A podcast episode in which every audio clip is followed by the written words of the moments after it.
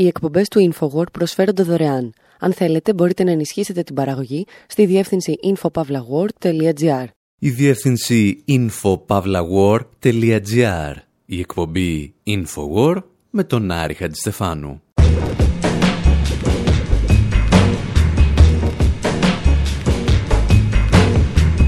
όπου σήμερα δηλώνουμε φανατικοί θαυμαστές της Ελένης Αντωνιάδου, που έπεισε τα ελληνικά μέσα ενημέρωσης ότι είναι ο άνθρωπός μας στην Άσα. Υποθέτουμε ότι σε μια χώρα όπου ο μέσος πολίτης πιστεύει ότι η Αμερικανική Υπηρεσία Διαστήματος θα είχε αποτύχει χωρίς τους Έλληνες, κάποιος πρέπει να βρεθεί να κοροϊδεύει τα κορόιδα. Αναζητούμε τους ακάλυπτους στο πέρασμα της ιστορίας και ζητάμε γι' αυτό τη βοήθεια του Λεωνάρντο Ντικάπριο και του Κάιζερ Γούλιαλμου του δεύτερου. Γνωρίζουμε ανθρώπους που κατάφεραν να πουλήσουν τον πύργο του Άιφελ και να γίνουν εθνικοί ήρωες, αλλά μιλάμε και για άλλους που έκαναν ένα μίνι πραξικόπημα και τα κατάφεραν. Όλα όμως ξεκινούν με ένα ταξίδι στα στέρια με οδηγό μας την NASA.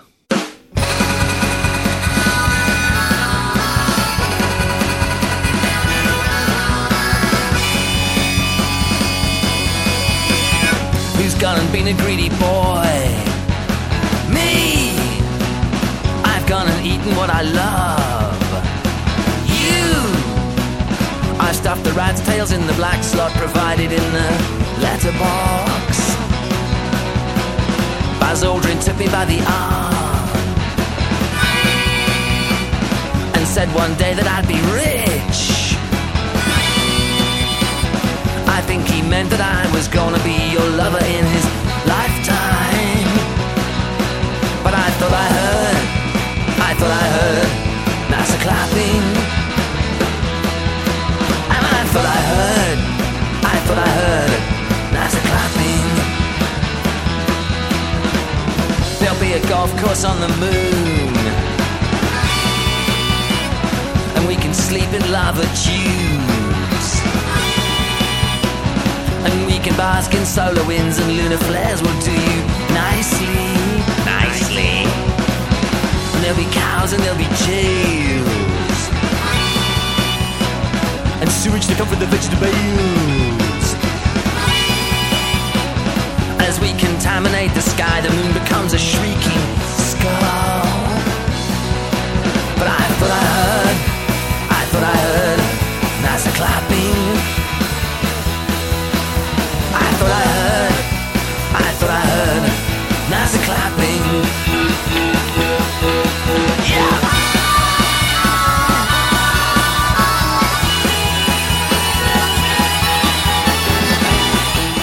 Ο Ρόμπιν Χίτσκοκ διηγείται περίεργες ιστορίες από εκείνη την ημέρα που ο πρώην αστροναύτης Μπαζ Όλντριν τον πήρε λέει από το χέρι και του υποσχέθηκε ότι μία μέρα θα γίνει πλούσιος. Αυτός όμως προτιμούσε απλώς να πάει με την κοπέλα του στο φεγγάρι. Στο ρεφρέν του τραγουδιού πάντως μας εξομολογείται πως έχει την αίσθηση ότι άκουσε τη Νάσα να τον χειροκροτά. Γεγονός που θα οδηγούσε ορισμένους στο συμπέρασμα ότι ο τραγουδιστής μπορεί να είναι και Έλληνας. Γιατί αν υπάρχει ένας ορισμός του νεοέλληνα, τον οποίο θα έπρεπε να περιλαμβάνουν όλες οι εγκυκλοπαίδειες, είναι ο εξής. Νεοέλληνας είναι ο κάτοικος μιας συγκεκριμένης γεωγραφικής περιοχής της Ανατολικής Μεσογείου που πιστεύει ότι χωρίς τη συνεισφορά των ομοεθνών του η Νάσα απλώς δεν θα υπήρχε. Σε αυτή τη διαδεδομένη πεποίθηση στήριξε όπως φαίνεται τη λαμπρή καριέρα της η Ελένη Αντωνιάδου. Η νεαρά που έπεισε το ελληνικό δημοσιογραφικό στερέωμα ότι είναι κάτι ανάμεσα στο Λεωνάρντο Ντα Βίντσι και τον Άλμπερτ Αϊνστάιν. Ενώ στην πραγματικότητα ήταν ο Λεωνάρντο Ντικάπριο της επιστήμης. Και ύστερα όλοι έσπευσαν να καταδικάσουν τη νεαρή επιστημόνισσα χωρίς ίσως να γνωρίζουν ότι σε άλλες χώρες άνθρωποι σαν αυτοί γίνονται θρύλοι ή ακόμη και εθνικοί ήρωες. Οι Αγγλοσάξονες χρησιμοποιούν για αυτούς τον όρο imposters από το λατινικό impostor που σημαίνει αυτός που σε εξαπατά Στην Ελλάδα προτιμάται ο όρος «παπατζής» ή «τσαρλατάνος», που όπως θα δούμε όμως σημαίνει κάτι ελαφρώς διαφορετικό.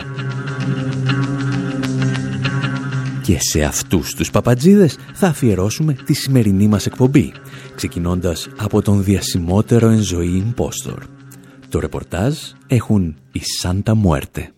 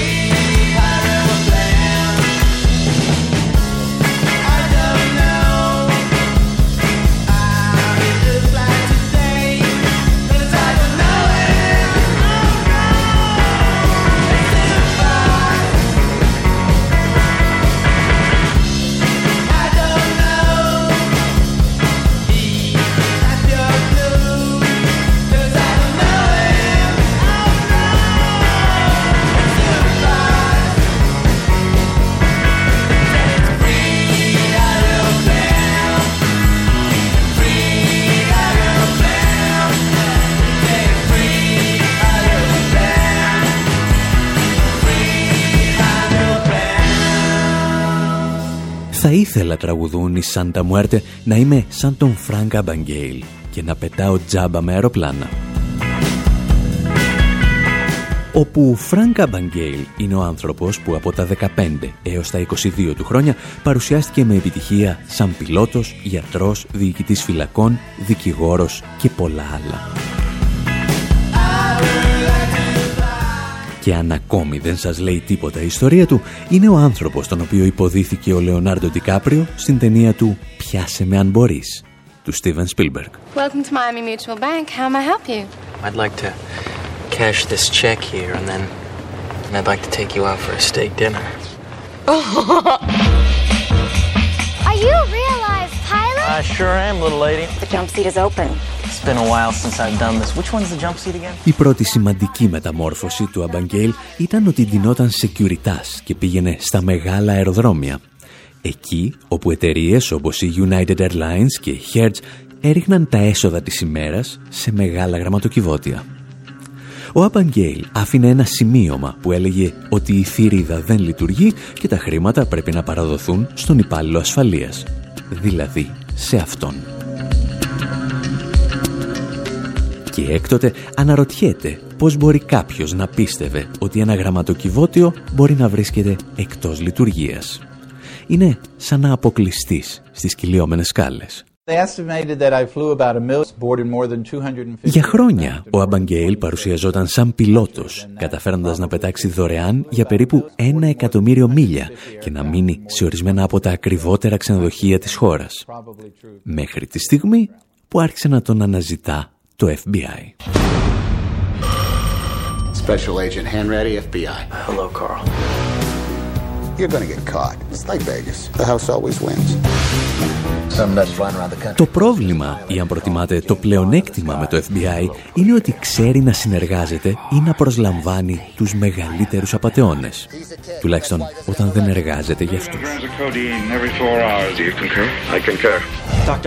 Και έτσι, αφού πέρασε μερικά χρονάκια στη φυλακή, ο Αμπαγγέλ προσελήφθη από το FBI για να διδάσκει τους νεαρούς πράκτορες πώς να αναγνωρίζουν ανθρώπους σαν κι αυτόν.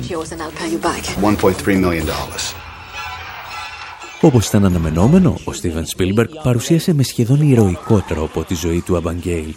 Κάτι που θα μπορούσε να έχει κάνει και ο Κώστας Γαβράς με την Ελένη Αντωνιάδου, αντί να χάνει το χρόνο του με άλλους κι άλλους.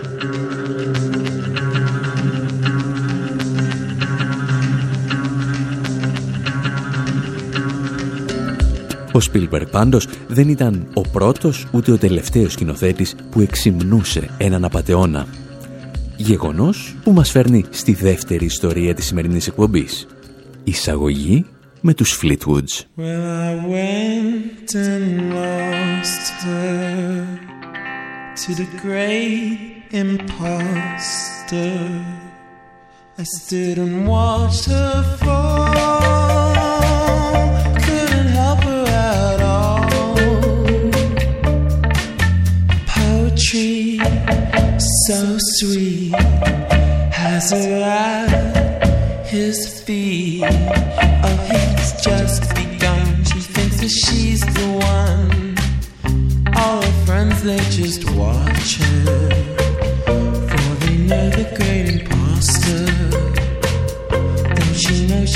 Stage? It's not real, it's just a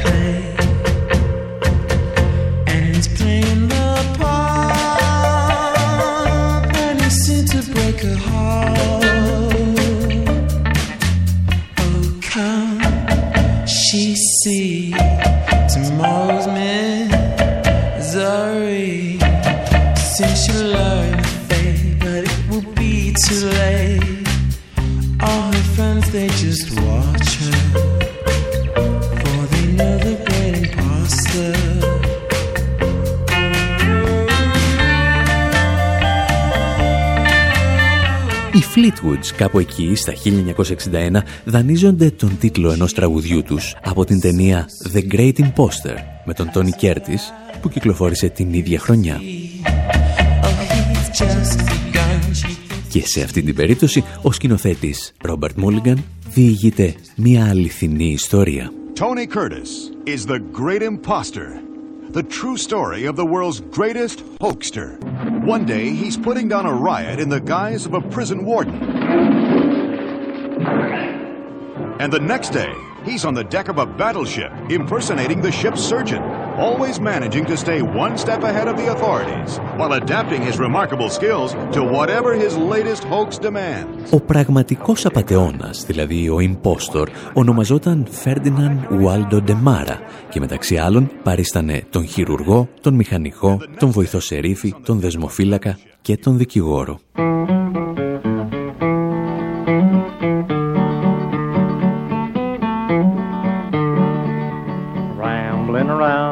City, rambling around your town.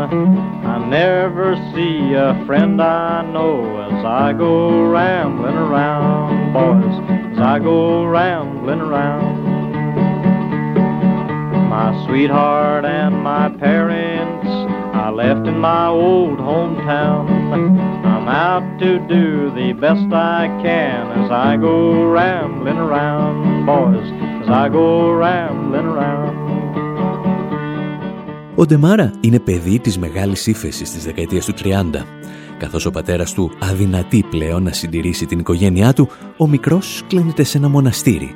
Αλλά αντί να γίνει παπάς, γίνεται παπατζής. The peach trees they are low. Στα χρόνια του πολέμου της Κορέας τον βρίσκουμε στο καταδρομικό Καγιούγκα του καναδικού πολεμικού ναυτικού να παριστάνει τον χειρουργό. Μέχρι τη στιγμή που καλείται πράγματι να εγχειρήσει τραυματίες πολέμου. Sometimes the fruit gets rotten. Ο Ντεμάρα λέγεται ότι κάλεσε το νοσηλευτικό προσωπικό του πλοίου να προετοιμάσει τους τραυματίες για την εγχείρηση και ο ίδιος κλείστηκε σε ένα δωμάτιο. Εκεί διάβασε στα πεταχτά ένα εγχειρίδιο γενικής χειρουργικής και γύρισε στο χειρουργείο. Σύμφωνα με τις ίδιες πληροφορίες, κανένας από τους ασθενείς του δεν πέθανε. Γεγονός που ίσως αποδεικνύει ότι η χειρουργική είναι ελαφρώς υπερτιμημένη. Αλλά μάλλον όχι. Το βέβαιο είναι ότι το καναδικό πολεμικό ναυτικό, προκειμένου να αποφύγει τον διεθνή διασυρμό, έστειλε τον Ντεμάρα κακήν κακό στις Ηνωμένες Πολιτείες, χωρίς να του ασκήσει καμία κατηγορία. Man of some renown.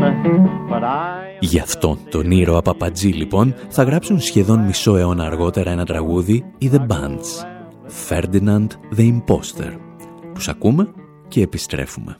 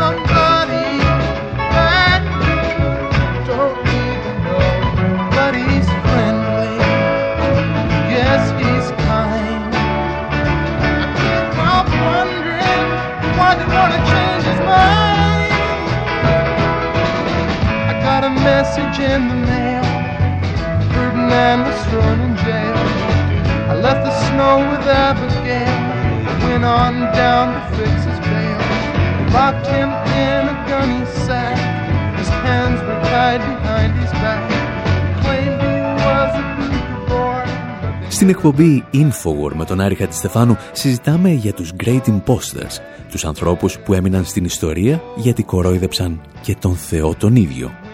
Και αυτή ακριβώς είναι η περίπτωση του Φέρντιναν Ντεμάρα. Αφού ολοκλήρωσε τα καθήκοντά του ως χειρουργός, συνέχισε να παριστάνει τον παπά και μάλιστα ανέβηκε στην ιεραρχία της Καθολικής Εκκλησίας. Έφτασε μάλιστα να πείσει το Αμερικανικό κράτος να ιδρύσει για αυτόν ένα πανεπιστήμιο. Ο Ντεμάρα ανέπτυξε τη δική του θεωρία για το πώς μπορείς να υποδηθείς το ρόλο κάποιου άλλου χωρίς να σε καταλάβουν. Σε κάθε μεγάλο οργανισμό εξηγούσε υπάρχει ένα ποσοστό εξουσίας η οποία δεν χρησιμοποιείται. Αυτήν μπορείς να την αναλάβεις εσύ χωρίς να ενοχλήσεις κανέναν. Το δεύτερο μυστικό σημείο ο ίδιος είναι ότι αν θέλεις να ασκείς εξουσία, ποτέ να μην υπησέρχεσαι στον τομέα κάποιου άλλου. Πάντα να δημιουργείς το δικό σου τομέα. Σε έναν επαγγελματικό χώρο, λόγου χάρη, εξηγούσε, να μην εντάσσεσαι ποτέ σε μια υπάρχουσα επιτροπή, προκειμένου να ανέλθεις, γιατί έτσι απλώς δημιουργείς εχθρούς. Το μυστικό είναι να φτιάξεις τη δική σου επιτροπή. Περίπου δηλαδή αυτό που σήμερα αποκαλούμε σύγχρονο management. Ο Ντεμάρα δεν ήταν βέβαια ο μόνος που συμπίκνωσε τη γνώση μιας ζωής σε οδηγίες για νεοεισερχόμενους παπατζίδες. Ο Βίκτορ Λάστινγκ, για τον οποίο θα μιλήσουμε στο δεύτερο μέρος της εκπομπής, λέγεται ότι είχε συντάξει το δεκάλογο του καλού απατεώνα με τις εξής εντολές. Να ακούσει υπομονετικά τον συνομιλητή σου, Μιλώντας γρήγορα δεν κερδίζεις τίποτα. Ποτέ να μην δείχνεις ότι βαριέσαι. Άσε τον συνομιλητή σου να παρουσιάσει πρώτος τις πολιτικές του απόψεις και συμφώνησε μαζί του. Άσε τον συνομιλητή του να παρουσιάσει πρώτος τις θρησκευτικές του απόψεις και συμφώνησε μαζί του. Άσε στην κουβέντα αναφορές σεξουαλικού περιεχομένου, αλλά μην συνεχίσεις εάν δεν το κάνει ο συνομιλητής σου ποτέ να μην συζητάς για ασθένειες, εκτός αν υπάρχει πολύ συγκεκριμένος λόγος. Μην προσπαθείς να ψαρέψεις τα προσωπικά προβλήματα των συνομιλητών σου. Θα σου τα πουν μόνοι τους. Μην υπερηφανεύεσαι ποτέ για τον εαυτό σου. Απλώς άφηνε να εννοηθεί πόσο σημαντικός είσαι. Πάντα να είσαι καθαρός. Και τέλος, ποτέ να μην είσαι μεθυσμένος.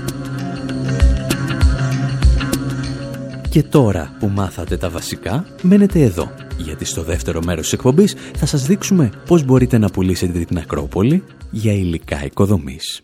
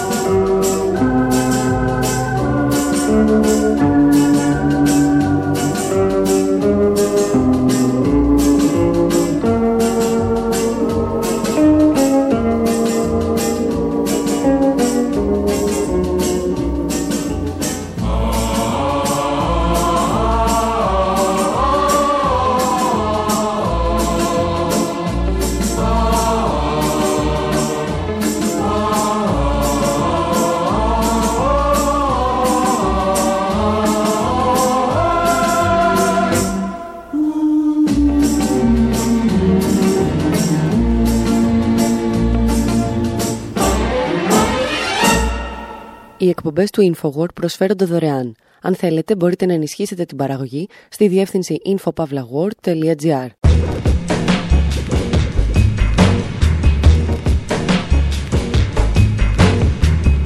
Εκπομπής InfoWord, μέρος δεύτερο. Όπου συνεχίζουμε να σας παρουσιάζουμε τους μεγαλύτερους παπατζίδες της ιστορίας. Αυτό που οι Αγγλοσάξονες αποκαλούν imposters, από το λατινικό impostor. Γνωρίσαμε τους ανθρώπους που ενέπνευσαν τις ταινίες «Πιάσε με αν μπορείς» και «The Great Imposter» με τον Λεωνάρντο Ντικάπριο και τον Τόνι Κέρτις αντίστοιχα. Και τώρα έχει έρθει η στιγμή να σας παρουσιάσουμε τον άνθρωπο που πούλησε τον πύργο του Άιφελ.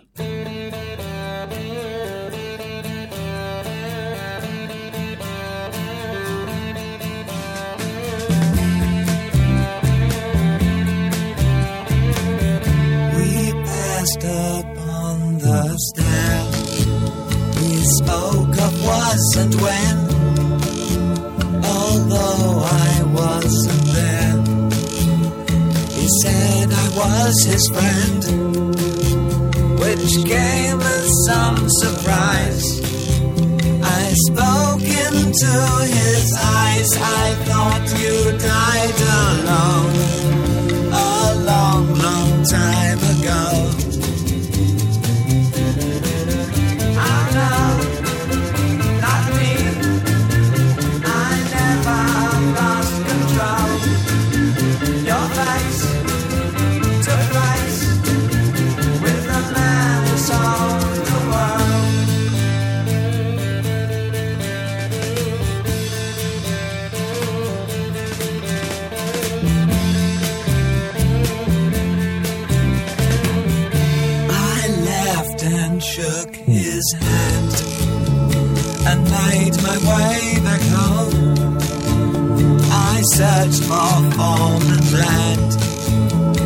For years and years I roamed.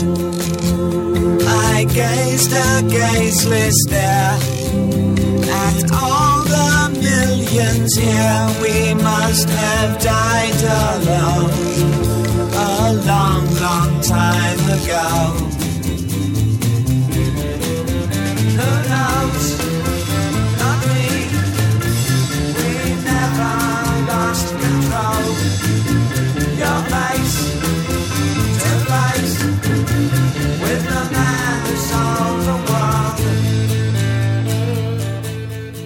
Ο David Bowie τραγουδά για τον άνθρωπο που πούλησε τον κόσμο.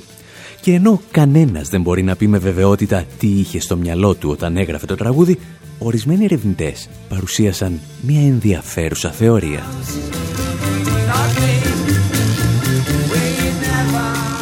Ο Μπάουι είπε αναφέρεται σε ένα doppelganger, μια λέξη η οποία στα γερμανικά αλλά και στα αγγλικά πλέον αναφέρεται σε έναν σωσία, ο οποίος συχνά έχει μεταφυσικές ιδιότητες. Στη δική μας ιστορία πάντως, ο άνθρωπος που μπορούσε να πουλήσει τα πάντα ήταν φτιαγμένος από σάρκα και οστά και άκουγε στο όνομα Victor Lasting. Αυστρο-Ουγγρικής καταγωγής, γεννημένος το 1890. Ο Βίκτορ Λάστιν ξεκίνησε την καριέρα του με μικροαπάτες, τις οποίες πραγματοποιούσε σε κρουαζερόπλια σε υπερατλαντικά ταξίδια. Συχνά προσποιούνταν τον επενδυτή ή τον μουσικοπαραγωγό που θα προσέφερε στους τουρίστες μία θέση στο Broadway. Επειδή όμως οι Αμερικανικές αρχές άρχισαν να τον αναζητούν, επέστρεψε στην Ευρώπη και συγκεκριμένα στο Παρίσι. Εκεί όπου θα πραγματοποιήσει την μεγαλύτερη απάτη της ζωής του. À Paris, quand un amour fleurit, ça fait pendant des semaines deux cœurs qui sourient, tout ça parce que qu'ils s'aiment à Paris. Ο Λάστινγκ διάβαζε μανιωδώς τον γαλλικό τύπο αναζητώντας τα επόμενα θύματά του. Μέχρι που μία ημέρα έπεσε πάνω σε μια περίεργη είδηση. Κάποιοι ήθελαν, λέει, να ξεφορτωθούν τον πύργο του Άιφελ. Τα εξηγούσαν πολύ καλύτερα στη σειρά mini ντοκιμαντέρ Biographies. In May of 1925, Victor moved to Paris, possibly to escape increased attention from American law enforcement. Το Μάιο του 1925 ο Βίκτορ μετακόμισε στο Παρίσι, πιθανότατα για να αποφύγει την αυξανόμενη προσοχή των Αμερικανικών αρχών. Στο Παρίσι διάβασε ένα άρθρο για την κακή κατάσταση του πύργου του Άιφελ και για τα έξοδα συντήρησης που ήταν πολύ υψηλά για τις δυνατότητες της τοπικής κυβέρνησης. Το άρθρο ενέπνευσε την πιο τρελή απάτη του Βίκτορ. Θα πουλούσε τον πύργο του Άιφελ. Η ιδέα στην πραγματικότητα δεν ήταν τόσο τρελή. Ο πύργος είχε αναγερθεί το 1889 ως μια προσωρινή κατασκευή και θεωρητικά θα καταδαβιζόταν έως το 1909. Παρ' όλα αυτά στεκόταν ακόμη στη θέση του το 1925. Η συντήρηση ήταν ακριβή και η κοινή γνώμη ήταν διχασμένη, καθώς πολλοί τον θεωρούσαν ένα αρχιτεκτονικό έκτρωμα.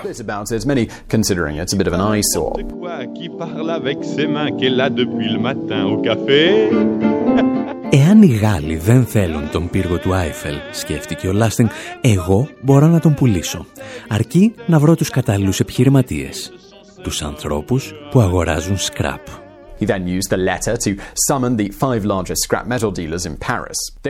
Ο Λάστινγκ προσκάλεσε τους πέντε μεγαλύτερους εμπόρους παλαιοσίδερων του Παρισιού σε μια μυστική συνάντηση στο ξενοδοχείο Ντεκριγιόν. Τους είπε πως η γαλλική κυβέρνηση σκέφτεται να κατεδαφίσεις τον πύργο του Άιφελ και να πουλήσει τα κομμάτια του. Οι πέντε έμποροι έπρεπε να το κρατήσουν μυστικό, διότι η γαλλική κυβέρνηση δεν ήθελε να διαρρεύσει πληροφορία στον τύπο. Κατά τη διάρκεια της συνάντησης, ο Βίκτορ αναγνώρισε το υποψήφιο θύμα του, το οποίο μάλιστα ονομαζόταν Αντρέ Πουασόν, που στα γαλλικά σημαίνει ψάρι. Ο Λάστινγκ κάλεσε τον Πουασόν σε ξεχωριστή συνάντηση, όπου του εξέφρασε τον θαυμασμό του για την ανερχόμενη επιχείρησή του και του εξήγησε ότι χρειαστεί να πάρει ο ίδιος ένα ποσοστό από τα κέρδη για να του προσφέρει τα συμβόλαια. Έτσι, ο Λάστινγκ όχι μόνο πουλήσει τον πύργο του Άιφελ σαν ένα σώρο από παλιοσίδερα, αλλά τσέπωσε και μια σεβαστή μίζα.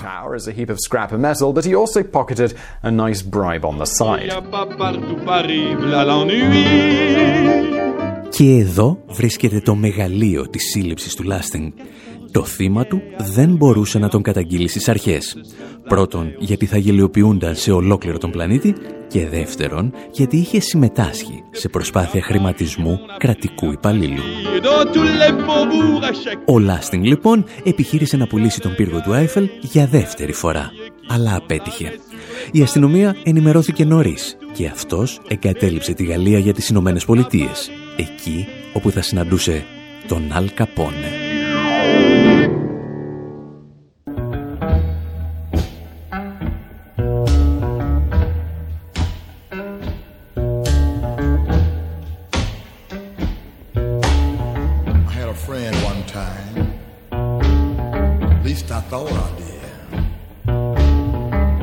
that man in my house, getting my food over my table that I couldn't afford. He come to me. He said, Johnny, I ain't got no place to stay. I said, yes, man. Come to my get you a place to stay and a bed to sleep in that I couldn't afford.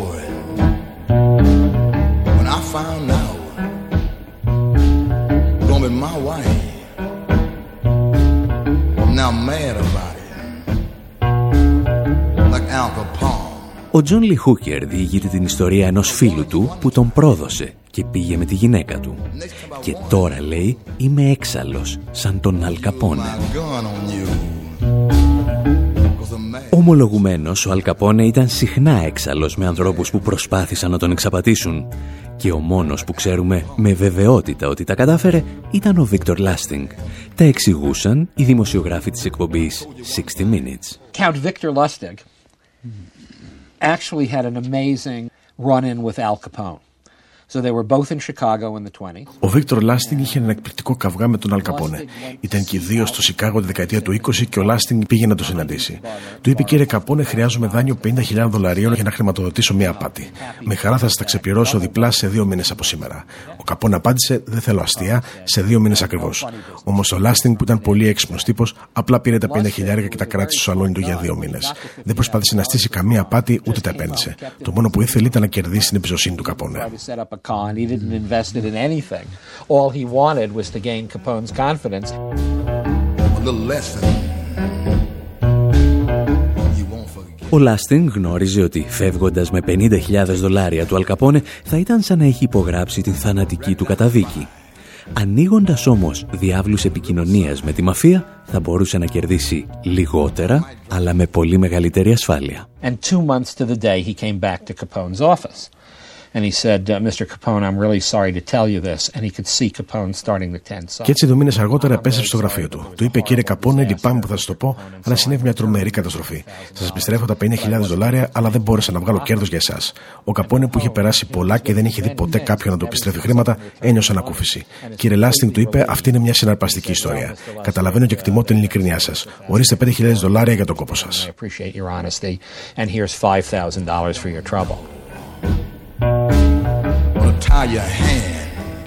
Οι παπατζίδες ή imposters που έχουμε γνωρίσει μέχρι στιγμής κέρδισαν αρκετή φήμη, την οποία ορισμένοι κατάφεραν να εξαργυρώσουν όταν τελικά αποκαλύφθηκε η πραγματική ταυτότητά τους. Υπάρχει όμως ένας άνθρωπος, ο οποίος έλαβε σχεδόν χαρακτηριστικά εθνικού ήρωα, γιατί τα έβαλε με έναν αυτοκράτορα και τον κέρδισε κατά κράτος.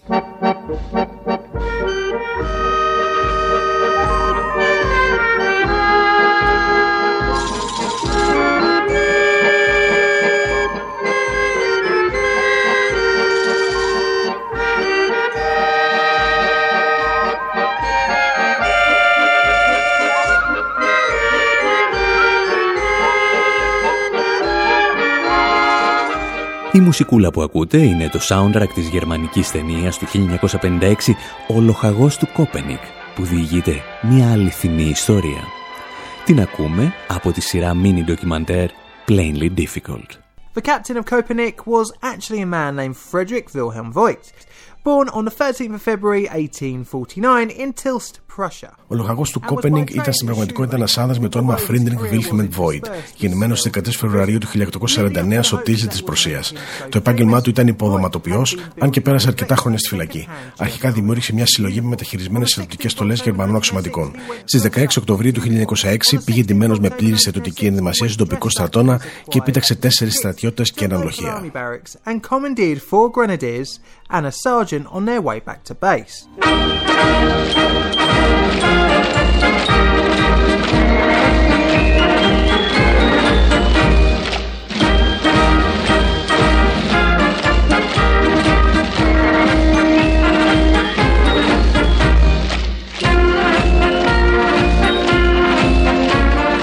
Στο σημείο αυτό θα αναρωτιέστε πώς γίνεται εκπαιδευμένοι στρατιώτες του Κάιζερ να πέφτουν σε μια τέτοια παγίδα. Εδώ όμως βρίσκεται το μυστικό της ιστορίας μας. Στο μιλιταριστικό καθεστώς της εποχής, κάθε ένστολος κατήχε τρομακτική εξουσία, την οποία κανένας δεν τολμούσε να αμφισβητήσει. Και οι Γερμανοί, θα πούν ορισμένοι κακεντρεχοί σχολιαστές, είναι πιο γνωστοί για το χιούμορ τους παρά για την ικανότητά τους να αμφισβητούν εντολές ανωτέρων τους. So the German army at the time were obsessively drilled to obey any order from an officer. Ο γερμανικός στρατός της εποχής ήταν αιμονικά εκπαιδευμένος να υπακούει σε οποιαδήποτε διαταγή ενωτέρου. Έτσι, κανένας από τους πέντε δεν σκέφτηκε να αμφισβητήσει τον αξιωματικό που έβλεπαν μπροστά τους. Ο Βόιτ λίγο αργότερα άρπαξε άλλους έξι στρατιώτες από ένα σκοπευτήριο. Πήρε τον προσωπικό του μικρό στρατό και μετακινήθηκε προς το Δήμο του Κόπενιγκ στο Βερολίνο. Εκεί κατέλαβε το τοπικό δημαρχείο.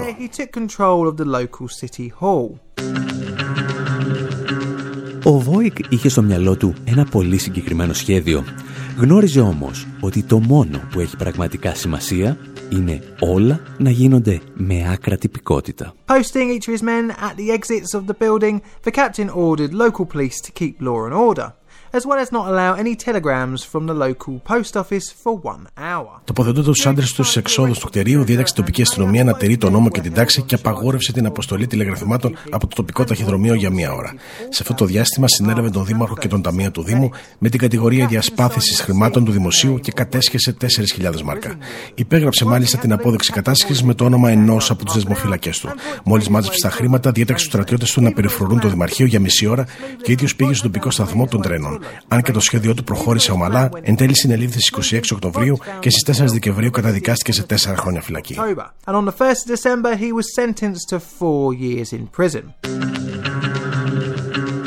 Όταν όμως ο Βόικ έμπαινε στη φυλακή, η φήμη του είχε φτάσει στο Λονδίνο. Οι εφημερίδες της εποχής τον παρουσίαζαν σαν απόδειξη για όλα τα στερεότυπα που υπήρχαν για τους Γερμανούς και την πυθύνια υποταγή τους σε κάθε εντολή που λάμβαναν. Την ίδια στιγμή όμως, στη Γερμανία, ο Βόικ άρχισε να λαμβάνει χαρακτηριστικά εθνικού ήρωα. Και έτσι, ο αυτοκράτορας Κάιζερ Γουλιέλμος ο δεύτερος θα του απονείμει τελικά χάρη μέσα σε δύο μόλις χρόνια. Τέσσερις μέρες μετά την αποφυλάκησή του, ένα ομοίωμά του, σε φυσικό μέγεθος, έστεκε υπερήφανα στο Μουσείο Κέρινων Ομοιωμάτων του Βερολίνου.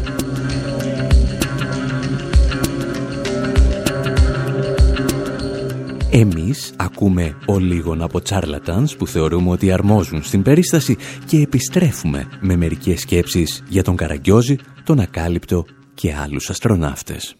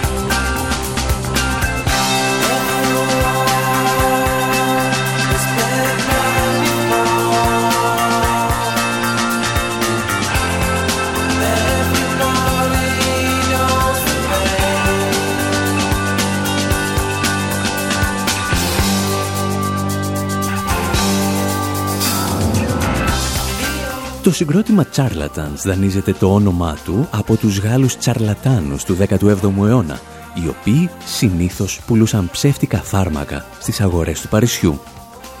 Και ο διασημότερος εξ αυτών ήταν ο Ταμπαρίν, ο οποίος θα εμπνεύσει και το Μολιέρο.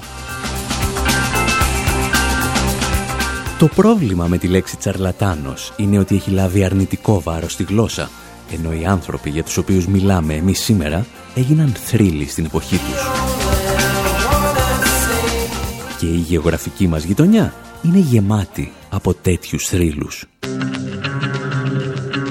Πιθανόν ο μεγαλύτερος συμπόστορ της ιστορίας να είναι ο Θεός Δίας, ο οποίος έφτασε να εμφανιστεί ακόμη και σαν χρυσή βροχή για να πετύχει ένα one night stand με τη Δανάη.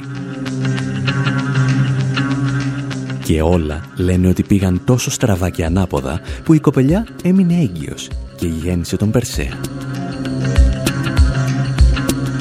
Ο βασιλιάς της Παπάντζας όμως, στην νοτιοανατολική Μεσόγειο, πρέπει να ήταν ο Καραγκιόζης.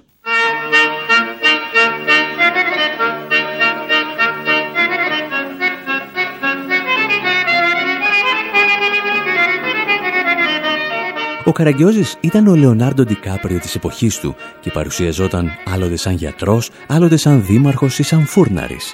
Και στα πιο τρελά του όνειρα γινόταν και αστροναύτης της ΝΑΣΑ. Μερικούς αιώνες αργότερα, στα χρόνια της φαινομενικής μας ευμάρειας, το έθνος ταυτίστηκε με τον ακάλυπτο. Σε όλες τις περιπτώσεις δηλαδή, ο Ιμπόστορ παρουσιάζονταν σχεδόν σαν ήρωας. Και το ερώτημα είναι, γιατί τώρα όλοι στρέφονται εναντίον της Ελένης Αντωνιάδου, που παρουσιαζόταν στα κανάλια να εργάζεται για την Άσα.